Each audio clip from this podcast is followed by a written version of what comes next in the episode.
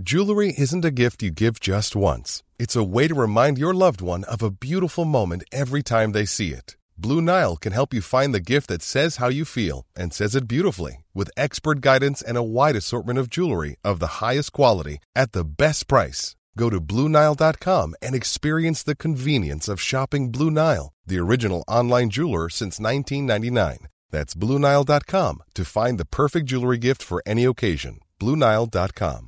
I'm Sandra, and I'm just the professional your small business was looking for. But you didn't hire me because you didn't use LinkedIn jobs. LinkedIn has professionals you can't find anywhere else, including those who aren't actively looking for a new job but might be open to the perfect role, like me. In a given month, over 70% of LinkedIn users don't visit other leading job sites. So if you're not looking on LinkedIn, you'll miss out on great candidates like Sandra. Start hiring professionals like a professional. Post your free job on linkedin.com/achieve slash achieve today. Hey there, it's Michelle Norris. I'm host of a podcast called Your Mama's Kitchen. When I travel, I'm usually looking for a way to find a taste of home when I'm not at home. And one of the things I love to do when I am at home is entertain. And Airbnb allows me to do that. When I was in California recently, I rented a house that had a great kitchen. And when we were sitting around the table, we we're all thinking, we're in someone else's house. Someone could be in all of our homes as well. If you have a home, but you're not always at home, you have an Airbnb. Your home might be worth more than you think. Find out how much at airbnb.com/slash host.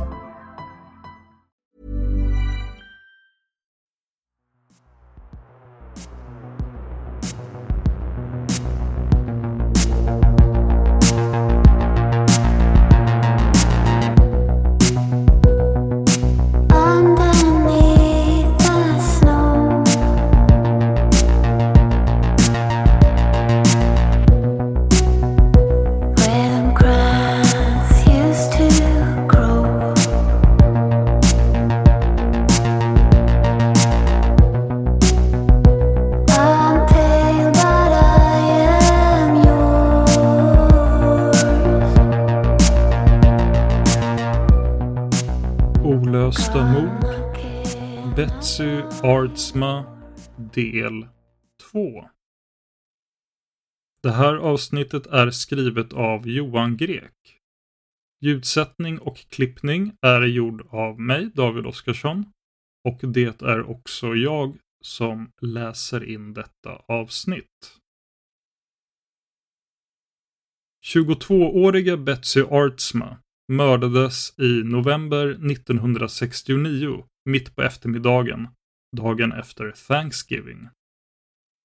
Trots att det fanns flera vittnen som såg gärningsmannen springa ut ur biblioteket på Penn States universitetsområde där mordet skedde, så kunde inte gärningsmannen identifieras.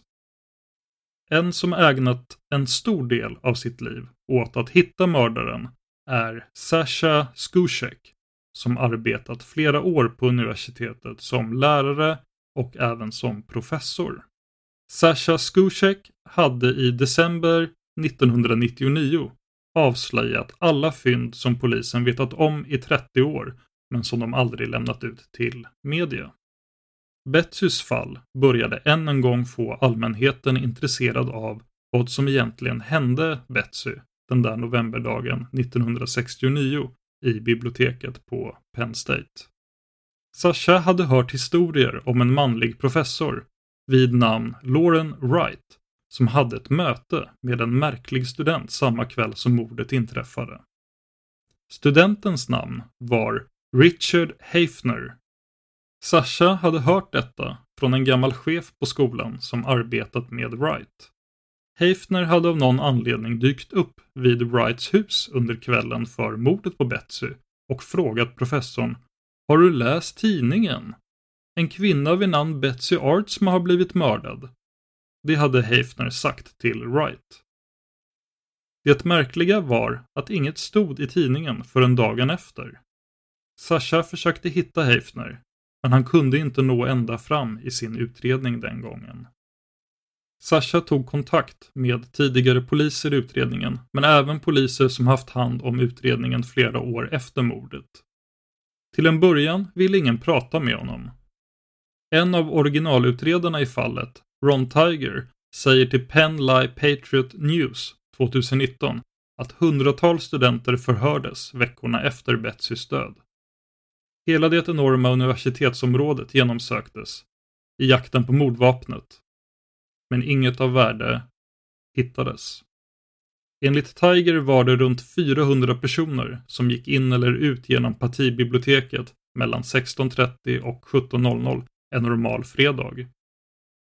Men datumet för Betsys död var Thanksgiving-helgen, så endast 90 personer hade gått in eller ut ur biblioteket just den halvtimmen.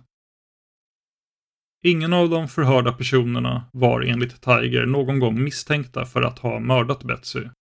Genom åren har fallet blivit allt kallare och potentiella spår har med tiden blivit allt färre. Fallet är en sluten utredning idag. Men polisen säger att de aldrig stänger dörren gällande ny information som kan ge nytt liv till utredningen. Mordet på Betsy Artsma fick aldrig särskilt mycket publicitet när det skedde.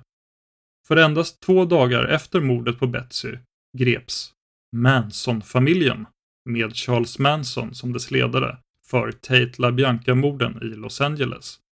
Det var en världsnyhet som överskuggade allt annat. Om det fanns något som media hade kunnat hjälpa till med, om vi visste att mördaren hade ett R eller någonting, då hade vi gått ut med det till media direkt. Säger Ron Tiger till tidningen Penn Live 2008. Ron Tiger var ju en av utredarna den första tiden 1969. Och han fortsätter. Men Betsy var helt ren. Hon var inte involverad med droger eller några protester mot kriget i Vietnam. Hon var inte involverad i något som skulle leda till ledtrådar om vi släppte informationen, säger Tiger. Tiger säger att även nu, när han är pensionerad, så går det knappast en dag då han inte tänker på fallet. Men det var då, tänkte Sasha. Nu fanns internet. Databaser. DNA-testning. Om han bara kunde lägga vantarna på de tolv lådorna med dokument som han visste fanns i delstatspolisens källare med utredningsmaterial så kunde han kanske lösa pusslet. En bit i taget. Till slut gick snacket bland poliserna att Sasha var en schysst snubbe som gjorde detta på goda grunder. Sasha och jag kommer försöka lösa det här tillsammans, säger polismannen Lee Barrows till tidningen The Penn Stater 2009, som då var ansvarig för fallet. Lee kallar Sasha för sin citat högra hand, slutcitat. Barrows har ett foto på Betsy på sitt skrivbord för att minnas och motivera sitt arbete. Sasha berättar att han i januari 2008 kom över ny information. Någon gång under våren 1970, våren efter mordet, så hade en 12-årig pojke hittat en kniv i en buske bakom en byggnad på universitetsområdet. Pojken lämnade in kniven till polisen, som aldrig avslöjat om fyndet gav någonting. Sasha fann även uppgifter om att Betsys blodgrupp fanns på en strömbrytare nära trapporna i biblioteket. Det var en väg ambulanspersonalen inte använde när de förde ut Betsys kropp ur biblioteket. Sasha har även avslöjat resultaten av analysen med ultraviolett ljus strax efter mordet 1969. Analysen visade att på brottsplatsen, ja faktiskt nästan hela våning 2, nära där mordet skett, så fanns det ett spår av sperma som hade lagrats under en längre tid. Det hjälpte till att förklara varför polisen hittat flertalet porrtidningar gömda i bokhyllorna. Två rader från där Betsy mördats hade polisen hittat en halvfull root beer, det är en sorts läskedryck, och flera andra porrtidningar. Det fanns redan så många teorier om vem som mördade Betsy det var närmast omöjligt att skapa en legitim gärningsmannaprofil av mördaren. Men Sashas artikel ställde en ny fråga. Hade Betsy av en slump avbrutit något intimt?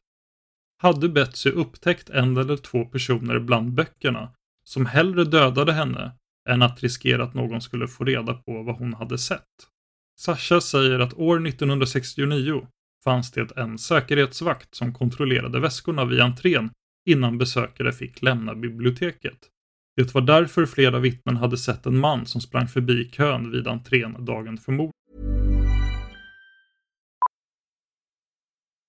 Millions of people have lost weight with personalized plans from Noom, like Evan, who can't stand salads and still lost 50 pounds.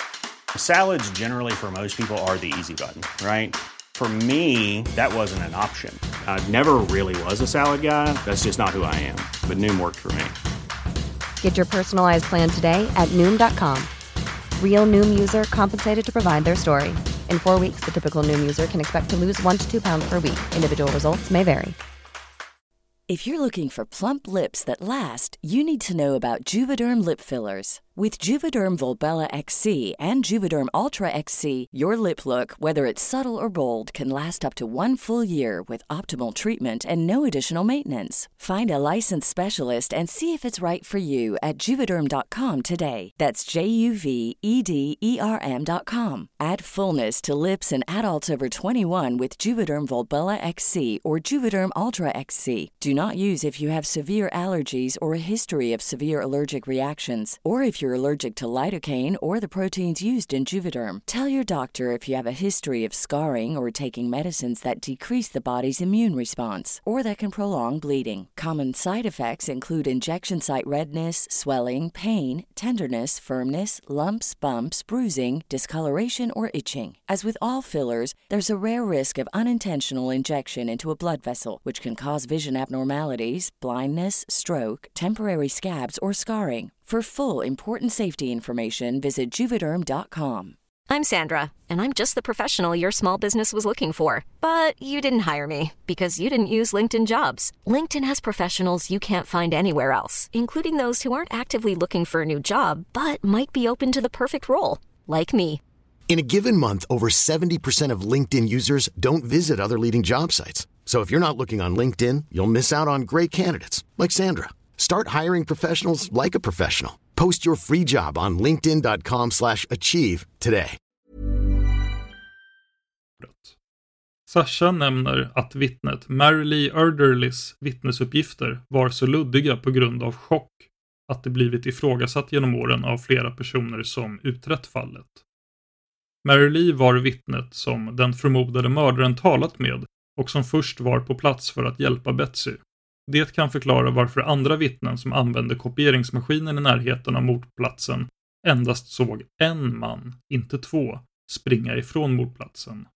Mannen som sprang var enligt kopieringsmaskinsvittnena i tidiga 20-årsåldern. Mannen var blond. Han bar en ljus jacka, kakibyxor och sportskor. Förmodligen bar mannen glasögon.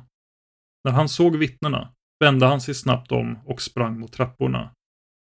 Där vid trapporna stötte han på ett annat vittne, en utbytesstudent vid namn Joao Oafina, som såg mannen springa fram till Mary Lee vid skrivbordet. Joao såg Mary Lee och den förmodade gärningsmannen snabbt utbyta några ord med varandra, enligt vad Joao sa till polisen efteråt. Mannen sprang sedan ner för trapporna. Joao kände på sig att något var fel så han sprang efter mannen i trapporna ut genom entrén, men han tappade bort honom utanför biblioteket. Det var snart december och eftermiddagsmörkret hade lagt sig. Sasha har även några misstänkta som han snappat upp från sitt arbete med polisen under årens gång. En av Sashas misstänkta är en konstnär vid namn William Spencer.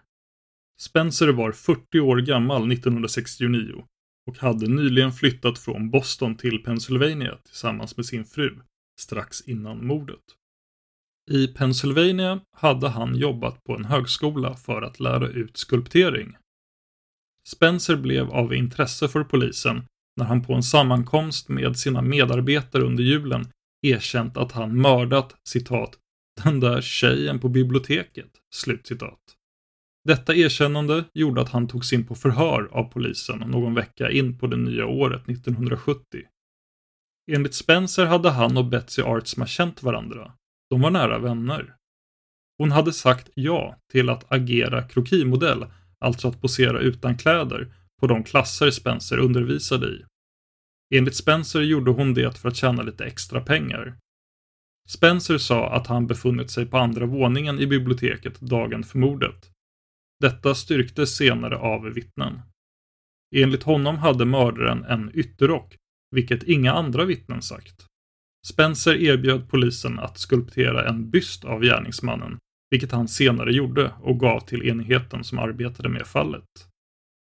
Polisen tog inte Spencers vittnesmål på allvar då han och hans fru flyttade till Penn State endast några veckor innan mordet. De ansåg att det fanns för lite tid för att de två skulle bli så nära vänner som Spencer vidhöll. Spencers påståenden om att Betsy skulle poserat naken styrktes aldrig av någon i klassen.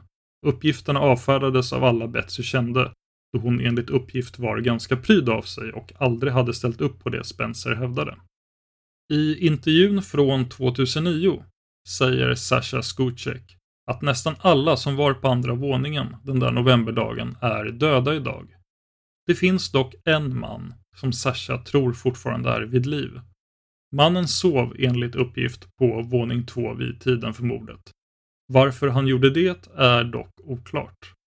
Han bor nu i sydvästra USA.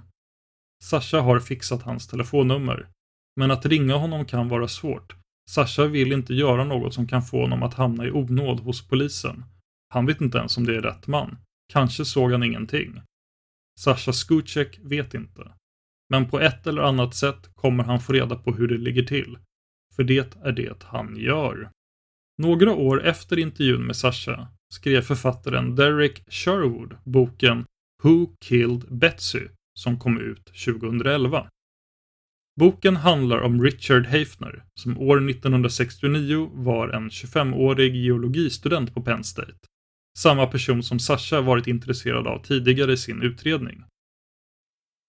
Hafner var den man som haft ett märkligt samtal med en professor strax efter mordet på Betsy.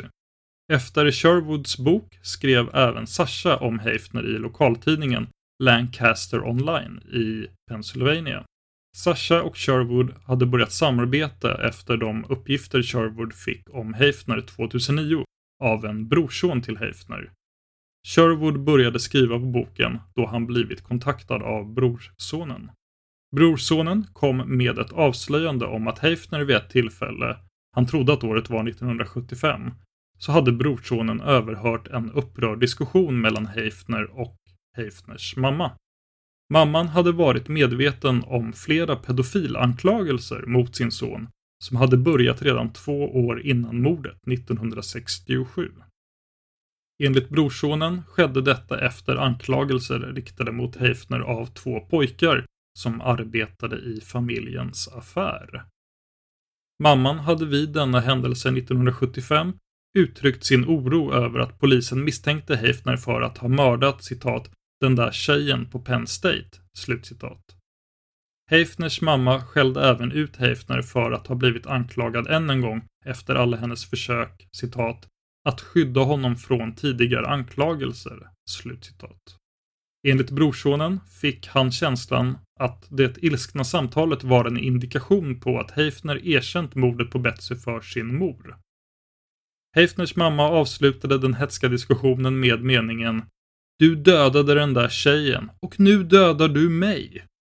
2014 skrev journalisten David DeCock boken Murder in the Stacks, Penn State, Betsy Artsma and the Killer Who Got Away. Även DeCock anser att Richard Hafner var den man som mördade Betsy. Sherwood, DeCock och Sasha tror alla att Hafner är den bästa misstänkte i fallet. Inte Moorer, Spencer eller Durgy misstänkta som förekommit i tidigare utredningen. Heifner var en av de 5000 personer som polisen förhörde om mordet på Betsy Artsma. Polisen har aldrig ansett honom vara misstänkt. Det gör de fortfarande inte. Det enda polisen sagt är att de fick känslan att Heifner möjligen hade mer information än han ville dela med sig av till polisen. Sherwood, DeCock och Sasha anser alla i mer eller mindre grad att Heifner är det bästa spåret, men de är medvetna om att alla anklagelser endast grundar sig i indiciebevisning. Så vem var Richard Heifner? Heifner föddes 1943 i Lancaster, Pennsylvania. Heifner var en välrespekterad och enligt flera i hans närhet briljant man när det gällde allt som rörde geologi.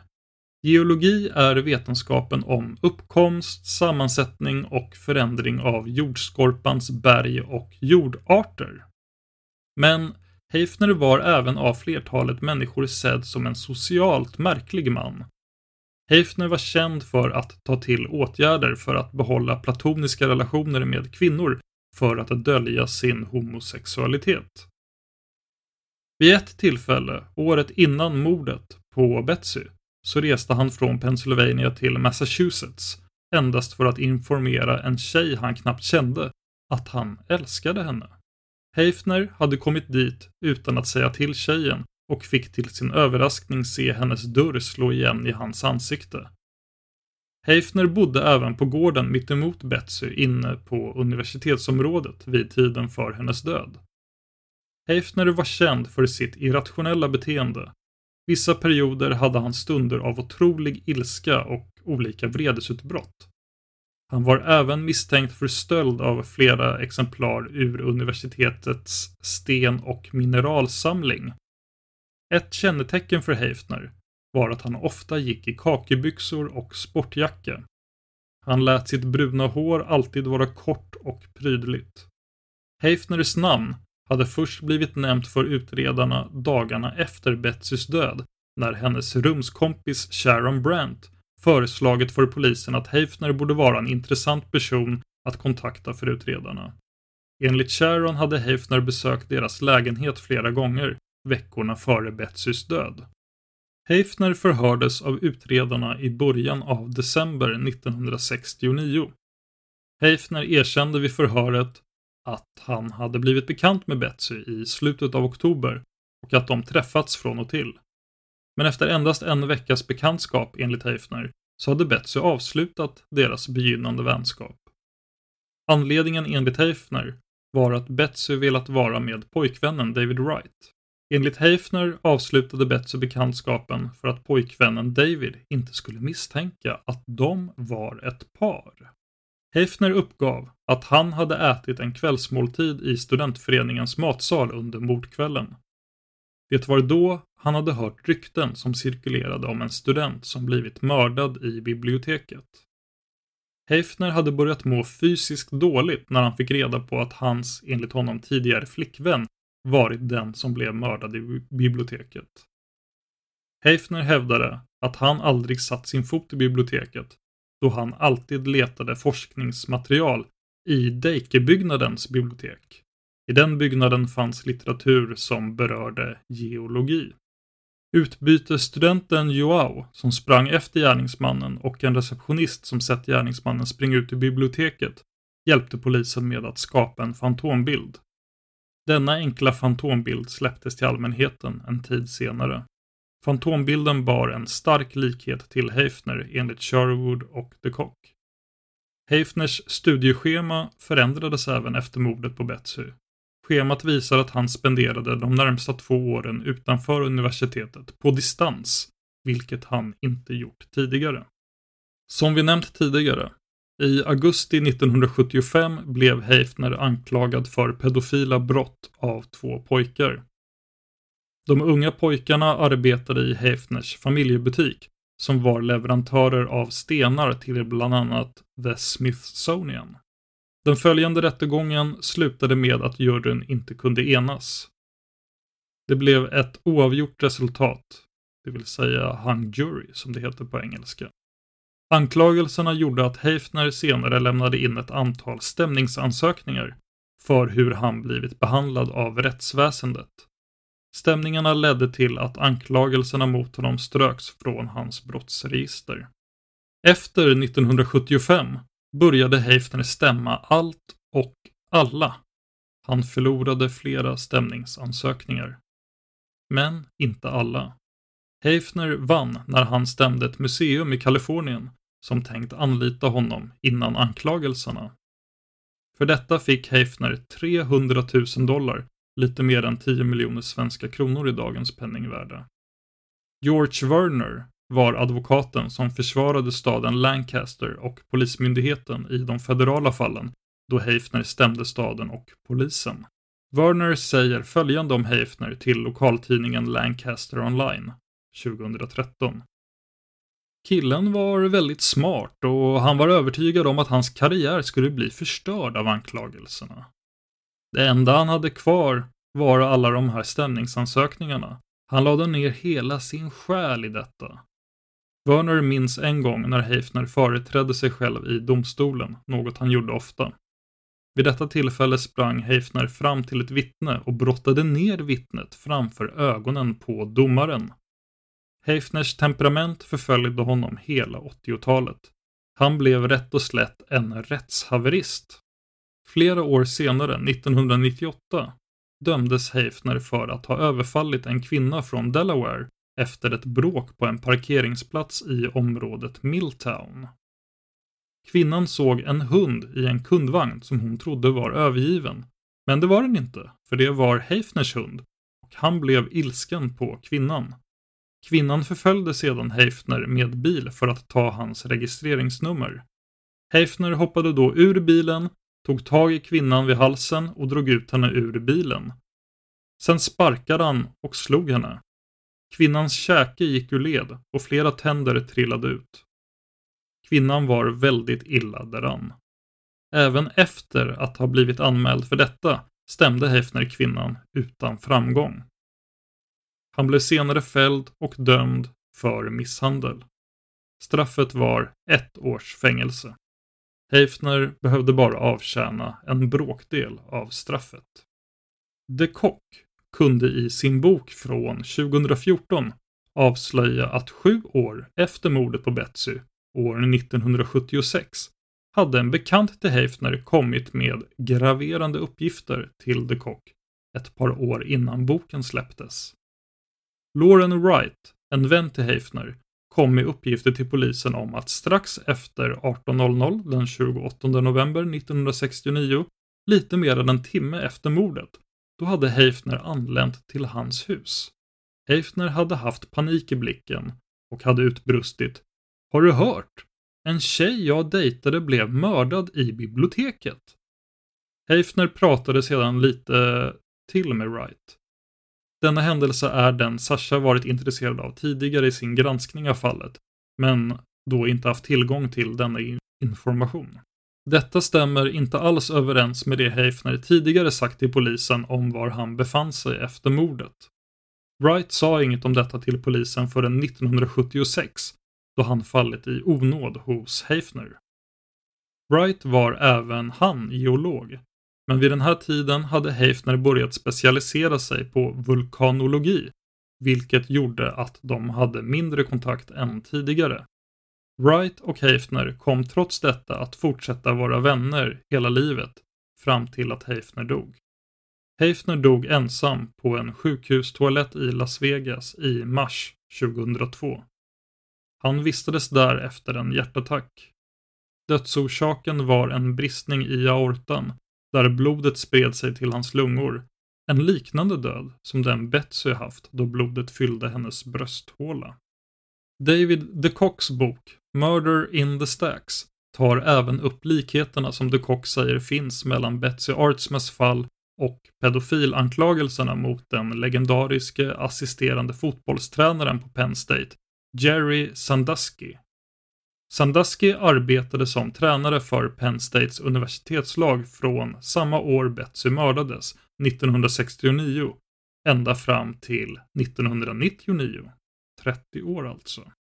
Sandusky startade efter pensionen 1999 en icke vinstdrivande organisation för att hjälpa utsatta barn i samhället. 2011 fälldes han för 45 fall av övergrepp mot minderåriga pojkar som ingått i den icke vinstdrivande organisationen. Han dömdes till mellan 30 och 60 år i fängelse, vilket i princip innebär livstid då han idag är 77 år gammal. De Kock anser, precis som med Sandusky-skandalen, att Betsy Artsmas fall inte utreddes ordentligt. Att information undanhölls för att rädda anseendet hos vissa personer på universitetet på bekostnad av offer och deras familjer.